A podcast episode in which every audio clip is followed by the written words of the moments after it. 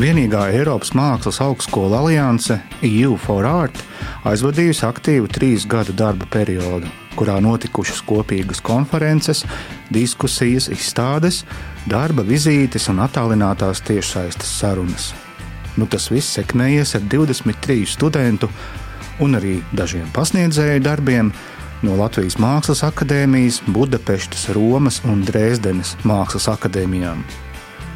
Tie līdz 19. jūnijam skatāmi Dresdenes Mākslas akadēmijas milzu izstāžu zālē Octagon ar vienotu ekspozīcijas nosaukumu Von Uberscheiten Transitioning, proti pārēja, nokļūšana no viena stāvokļa otrā, un ne tikai prāta un ideju, bet arī fiziskā izteiksmē.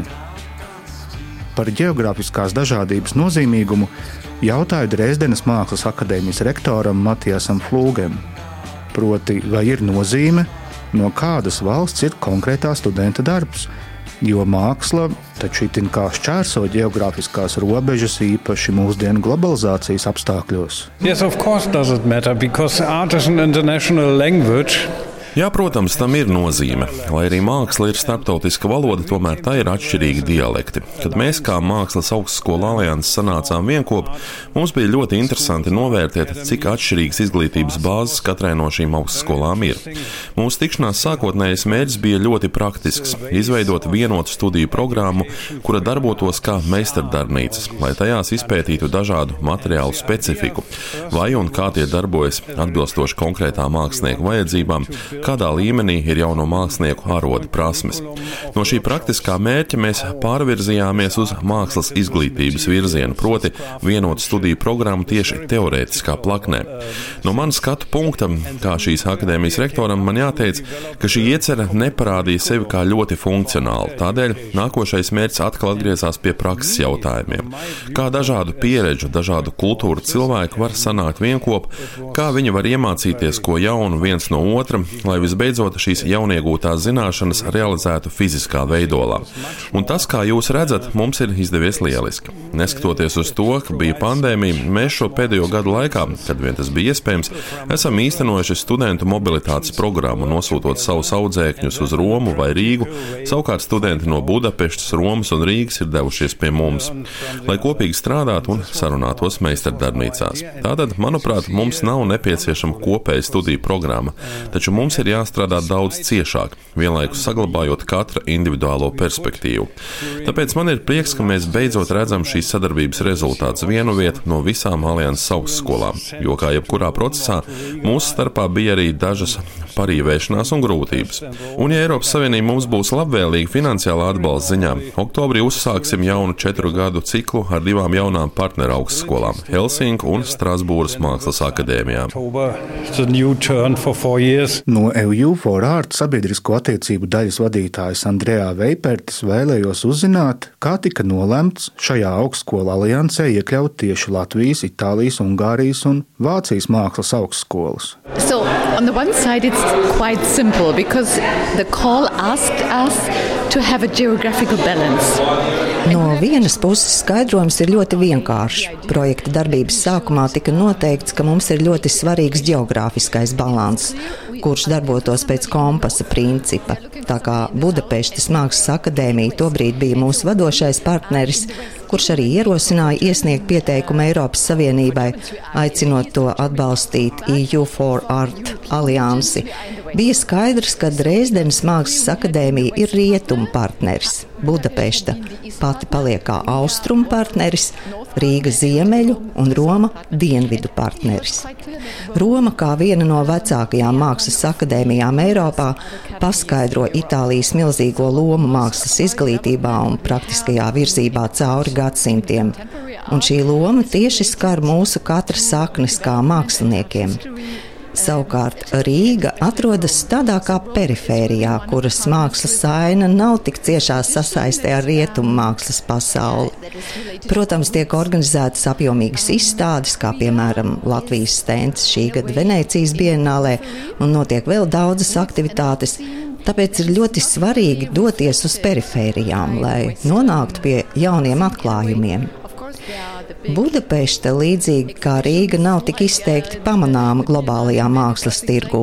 Tāpēc mūsu alianses darba grupās esam ļoti daudz sprieduši par to, ka mākslas kvalitātei nepastāv obligāta saistība ar redzamību mākslas tirgū.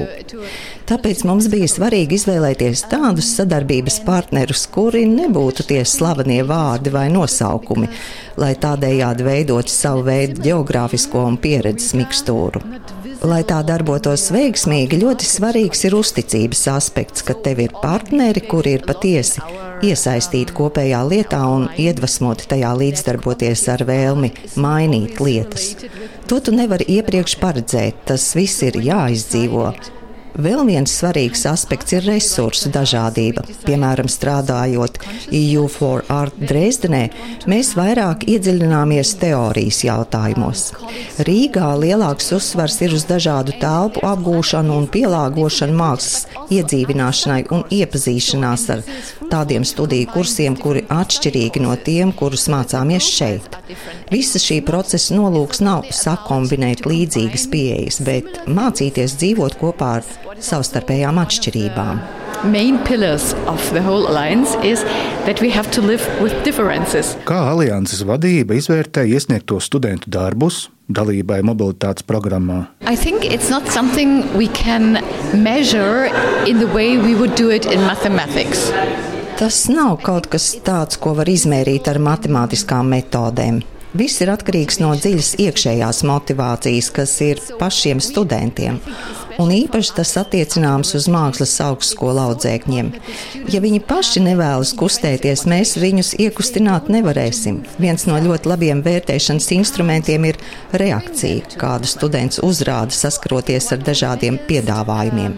Mēs šo projektu nereklamējam, mēs drīzāk radām sniegbumbas efektu, kura kļūst ar vien lielāka un lielāka ne jau tāpēc, ka mūs vadīt ļoti konstruktīvi ieturēti ideāli un mērķi, bet tāpēc, ka ir sniegs un ir ripojoša sniega pika. Taču tas, kas ir ļoti liels, uzreiz nenozīmē. Tas automātiski ir arī labs. Jūs jautājāt, kā mēs novērtējam studentu darba kvalitāti. Manuprāt, šajā kontekstā rezultāti nav ieraugāmi ne pusgada, gada vai pat divu gadu laikā. Mākslā secinājums par kādu būtisku impulsu, kas gūts izglītības procesā, var izdarīt pēc 10, 20 vai reizēm pat 50 gadiem. Tas, ar ko šis projekts nodarbojas, ir investēšana nākotnē, pie tam darot to ļoti individualizētā, personalizētā pieejā. Tā nav investēšana ar aprēķinu. Tā, šodien es investēju šādu enerģijas apjomu, un rīt es dabūšu tādu un tādu rezultātu. To reizēm ir ļoti grūti saprast politiķiem un finansētājiem, kur nostāja ir tāda, ka par piešķirtu atbalsta finansējumu ir jāsniedz atskaita, kurā jāprādās konkrēti izmērāmam ieguvumam. Tāpēc mums ir būtiski parādīt, ka šis princips, kādā darbojas mūsu alianse, ir attiecināms uz jebkuru izglītības jomu, kaut vai fiziku. Pateicoties šādai savstarpējai topošo profesionāļu miedarbei, varētu būt, ka pēc desmit gadiem tiek īstenota kāda inovācija, par kādu mēs šodien pat nevaram iedomāties. Ten years, there will be an innovation we can't think about today. Tagad pievērsīsimies pašiem māksliniekiem. Latvijas Mākslas akadēmijas praktiskās doktorantūras studente Sandra Strēle izstādē apskatēja piedāvāt divus lielformāta glezniecības darbus. Pirmajā attēlota asketiska vasarnīcas aina ar baseinu, otrajā izstāžu zāle. Mans pētniecības galvenais eh, objekts ir paplašinātā glezniecība. Tas nozīmē tāda glezniecība, kas iesaista arī citus mēdījus, kas ir eh, piemēram teksts, eh, vai objekti, vai skaņa, vai kāds cits mēdījis. Kā arī tas tieši tā tēma, uz ko es fokusējos. Šobrīd ir nenotikušās izstādes, kuras sērijās es mēģinu glaznot izdomātas izstādes, kādas es gribētu kādreiz dzīvē realizēt, vai jau varbūt esmu realizējusi. Jo man liekas, māksliniekam savas dzīves laikā ir ļoti daudz ideju, bet eh, nevienmēr ir iespēja visas šīs idejas realizēt. Tad varbūt tas tā glezniecība ir tāds pateicīgs mēdījis, ka ir iespējams šo tādu narratīvu nodot skatītājiem. Tev šajā ekspozīcijā ir divi darbi, un otrs ir tieši par šo nenotikušās izstādes interjeru vai iekārtu. Jā, viens darbs ir tāds tā kā senāks, šis lielais. Tas ir jau no tādas iepriekšējās sērijas, kas bija melanholija un bija apskatām Latvijā. Un, jā, tas otrs darbs ir no nenotikušajām izstādēm, un šajā ir iekļauts tādas jau tā kā man esošas glazmas, kuras ir ieglaznotas tātad vēlreiz kā glazna glaznā. Runājot par šo basēnu tematiku, skatījos un man atnāca atmiņā, es domāju, ka tu man palīdzēsi atcerēties amerikāņu gleznotāju, kuram ir glezna, kur ir tikai šļaksts pēc ielikšanas basēnā. Jā, tas ir kā britu mākslinieks. A, britu. Jā, Deivids Hoknijs. Un, tajā, jā, un es arī to kaut kādu atsaucu uz to šļakstu dažkārt esmu izmantojis, jo man liekas, ka tajā ir kaut kāds tāds tā kā noslēpums un arī šī laika dimensija, ka tas kā ir kaut kāds notikums, kas ir noticis un nav zināms, kas ir ielēcis, kāpēc viņš ir ielēcis. Tā kā, man tas tā liekas tāda ļoti interesanta atsauce. Vai arī tas ir vienkārši akmens? Jā, vai arī tieši tā, ka tas ir kāds priekšmets, kas ir iemests. Jo laiks ir tāds, man liekas, arī glezniecībā man interesējošs elements. Es par tādu praktisku jautājumu, ņemot vērā šo lielo formātu šim darbam no sērijas Melanholija, kur tu radīji nu, jau pirms četriem gadiem. Kāds ir tas izmērs? Noteikti. Šim darbam ir 3,6 metri. Kā tu nodrošināji sev telpu, lai to radītu? Jā, šo glazūru man ļoti mīļi atļāva Glaznot aizsardzības akadēmijā. Atvēlot nedēļu vai desmit dienas, es tagad jau precīzi neatceros, jo ir jau kāda laika distance. Jā, un tad es tur uz vietas arī strādāju, jo mājās, nu, darbnīcā ir bišķīt pa augstu. Tas bija kaut kāds lielāks. Jā, tāda kā, tā kā aktu zāle vai nu, vai līdzvērtīgāk zālē telpu. Latvijas Mākslas akadēmijas zīmēšanas katedras lektore Veronika Frolova savos darbos ciklā ārpus zemes ķermeņi, Foreign Bodies, ķermeni neuzlūko caur tradicionālo, piemēram, sengrieķu skaistuma izpratnes prizmu. Ādas un kaulu kombinācijas melnbaltajos asketiskajos darbos atcauc atmiņā Francisa Bēkona un Lisjēna Freida darbus, un pati Veronika atzīst, ka Tie viņai ir tuvāki mākslinieki nekā klasicismu pārstāvji, Jo? Tur nav nekas no Apollona, bet ķermenis jau arī nav nekad tāds perfekts. Parasti jau ķermeņi ir ļoti dažādi. Un es piemēram uzskatu, ka jebkurš ķermenis ir skaists tik tālu, kamēr viņš ir veselīgs un operējošs. Tāpēc tie skaistuma standarti, ko bieži vien populāra kultūra vai informācijas telpa mēdz uzspiest cilvēkiem, nu, man liekas, ka tas nav pareizi. Bet konkrēti šie darbi nav tikai par to. Par šiem darbiem vispār eh, lieta ir tāda, ka es tos esmu iecerējusi drīzāk kā spoguli, kur katrs var ieraudzīt kādu savādāku lietu. Tu, piemēram, ieraudzīji tās atsauces uz ķermeņa attēlošanu, citi ieraudzīja kaut ko pilnīgi savādāku. Un tas ir brīnišķīgi, jo te katrs var atrast savu skatījumu. Viņiem nav tāds viens traktējums. Lai gan man apakšā nu, ir zināms, par ko es taisīju tos darbus, bet tam nav obligāti jābūt nolesamam jebkuram katram pilnīgi absolūti skatītājam. Varbūt tu vari pastāstīt par tehniku vai mēdīju, kāds ir šo tēlu tapšanas ceļš.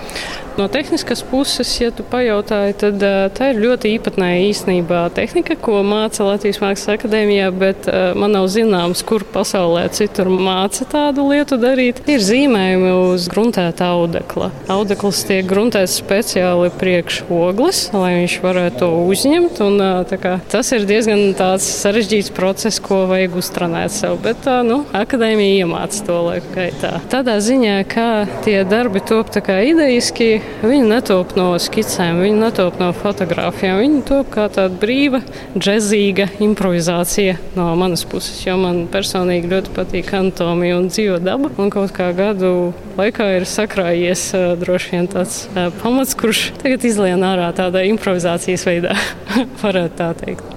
Mākslas akadēmijas nodaļā kustība attēls skaņa tapušais Annemarijas Gulbas darbs Mūsu dzīves ir bezgalīgi daudzveidīgas un pilnas ar interesantām lietām, ir asamblāža.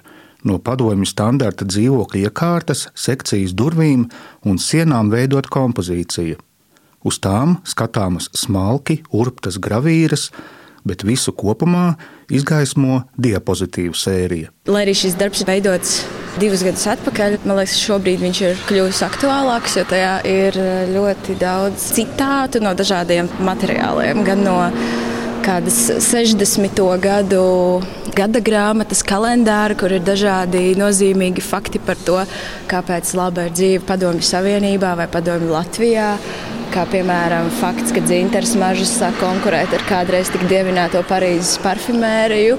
Tāpat tur ir izmantoti citāti no tādas kā ģimenes vēstures, gan attēlu formātā, gan tekstu formātā. Kā piemēram, ko tu būsi paņēmis, tas būs tavs, un ko tu nebūsi paņēmis, tas vairs nebūs tavs, ko, kas ir par Sibīrijas izvešanu un to brīdi, kurā vecmāmiņas ģimene devās prom no savām mājām un bija jāsavāc vēl tas, ko varēja paspēt. Tāpat ir uh, iegravēta fotografija, kur ir palielināta no tādas mazas, mazas fotografijas, kur ir meitene ar govi vai būli, kas ir no Sibīrijas, uh, no tā laika, kad kā, bija jāgan tie lopi vecmāmiņas ģimenē. Arī manu vecāku kā, bērnības zīmējumi ir pārgravēti, piemēram, pienmašīnu, jo vectēvs bija pienvedējs, vai arī zīmējumi ar tanciņiem, kur ir uh, mazi tanki kuriem ir kā, zvaigznes, šis simbols, kā komunisma kā komanda, kuri sašauj mazu cilvēciņu, virs kura ir kāšu krustiņi. Tad tam visam slāņojas pāri projekcija, kas sākotnēji bija iecerēta kā diapozitīva projekcija, kuras izmantoja arī gan mājās atrodamos vecos diapozitīvus no 80. gadiem, gan arī tos, kurus es pati vēl fotografēju salīdzinoši nesen. Un, vienā no maniem izmēģinājumu variantiem es tiešām liku izmantojot diapozitīvu projektoru, un viņš slāņojas pāri tam skāpju materiālam, veido līdzīgu efektu kā kaut kādam renderim. Vienlaikus tu vari redzēt visus tos slāņus, un tas vēl pašlaik tā viegli tam visam slīd pāri. Keramiķa Ata Šneveļa darbs Labirints ir nelielu, jauktas stikla masas kvadrātiņu kopums, kurā Atkarībā no skatītāja atrašanās vietas telpā ieraugāmi atšķirīgi ornamentu viļņumi melnā toņa pārmaiņās. Kāpēc Ati uzrunājusi tieši keramika? Nu, man vispār tā saistīta sfēra, jo es viņā redzu ļoti lielu potenciālu. Tik robežu jau praktiski tur nav darīts. Uh, pilnīgi viss lietas, sākot no mēbelēm līdz dekoratīvām lietām, arī vāzes kaut vai. Un ir arī tāda arī nu, nu, papīra porcelāns, nu, kas vispār sakot, ir locāms pat burtiski. Vienīgais robežas ir fantāzija šā materiāla strādājot. Krāsnes kuru tu izmanto, kur atrod? Nu, man ir tā privātā tā krāsnes, nu, nu, nu, kas ir elektriskā. Es tikai ar šo strādāju, jo nu, mākslinieks sepļāvāt sakot, nu, viņi ir resursos ļoti ietilpīgi un arī, nu, arī tā kā koki jācēr. Protams, tagad nav īpaši to koku izciršana, tāpēc tādai no tā elektrisko cepli. Es dzirdēju par to, ka šis darbs, eh, kura nosaukums ir Labirints, viņš arī ir labirints, viņu var iziet. Korejas eh, mākslas viens no konkursiem ir pieņēmis kā šaukēsā. Jā, nu, atsakot, tur ir tā, ka nu, Baltijas valstīm organizē izstādi Korejā, nu, kur ir tieši Baltijas valstu keramiķi. Un, eh, šajā konkursā es arī piedalījos, atsakot, un, un man ir šī iespēja arī tur izstādīties. Ņemot vērā to nu, iespaidīgo apjomu un to precizitāti, cik stundas dienā ir tavs mākslinieka darbs. Nu, ja mēs runājam par šo labirintu, no šiem tie sanāk 5 x 5 centimetri. Par bišķi tā mazāk ir kaut kādi 3,5 nu, kaut kas ap to varētu būt. Jā. Un cik tu dienā veltīji? Principā es ar keramiku strādāju nu, pēc vairākiem projektiem vienlaicīgi. Un, nu, tā ir tā, faktiski lielākā dienas daļa. Jā. Tad no rīta līdz pēcpusdienai. Nu, tas pārsvarā no, no rīta un vakaros. Un tāpat diena ir, ir cita lietas, jā, bet nu, rīta makar ir nu, tieši nu, priekš keramika paredzēta. Zinot, ka tu studē praktiskajā doktorantūrā, vai tev ir varbūt kaut kādas idejas par to, ka tu varētu arī docēt akadēmijā? Nu, pedagoģija varbūt īsti no manis tik klausās, nu, nu, bet, ja man ir ko uzaicināt, es tā neteiktos. Vēl Latvijas vārdu izstādē Transitioning pārstāv Rasa Jansone, Anna Malicka un Liāna Mihailova. Un noslēgumā Romas Mākslas akadēmijas profesores un kādreizējās direktores, mākslas zinātnieces Ticiānas de Akilles, sava veida ceļavārdi turpmākajiem sadarbības projektiem un ne tikai U4 Art alianses kontekstā vien. I think we should start from this. Uh, Mums ir ļoti būtiski paturēt prātā domu, ka jebkurai akadēmijai Eiropā ir jābūt kā telpai, kurā brīvi raisīties un attīstīties domāšanai. Mums ir jāuztur un jāsaglabā eiropeiskā pieeja zināšanu iegūšanai, un tai nevajadzētu būt saistītai ar politisko spēku vai reliģisko organizāciju ietekmi, jo pirmās universitātes, kuras radās viduslaikos, tika veidotas kā no šiem abiem spēkiem neatkarīgas vietas, kaut gan, protams, Allažs sajūta lielāku vai mazāku iespaidošanu. Tomēr, neskatoties uz to, pirmo universitāšu profesori ir uzskatāmi par patiesi brīviem cilvēkiem, un šodienas apstākļos vairāk nekā jebkad agrāk mums kopīgi ir jāstrādā, lai šo brīvību saglabātu. Now more than in any other moment of history, we have to maintain this freedom.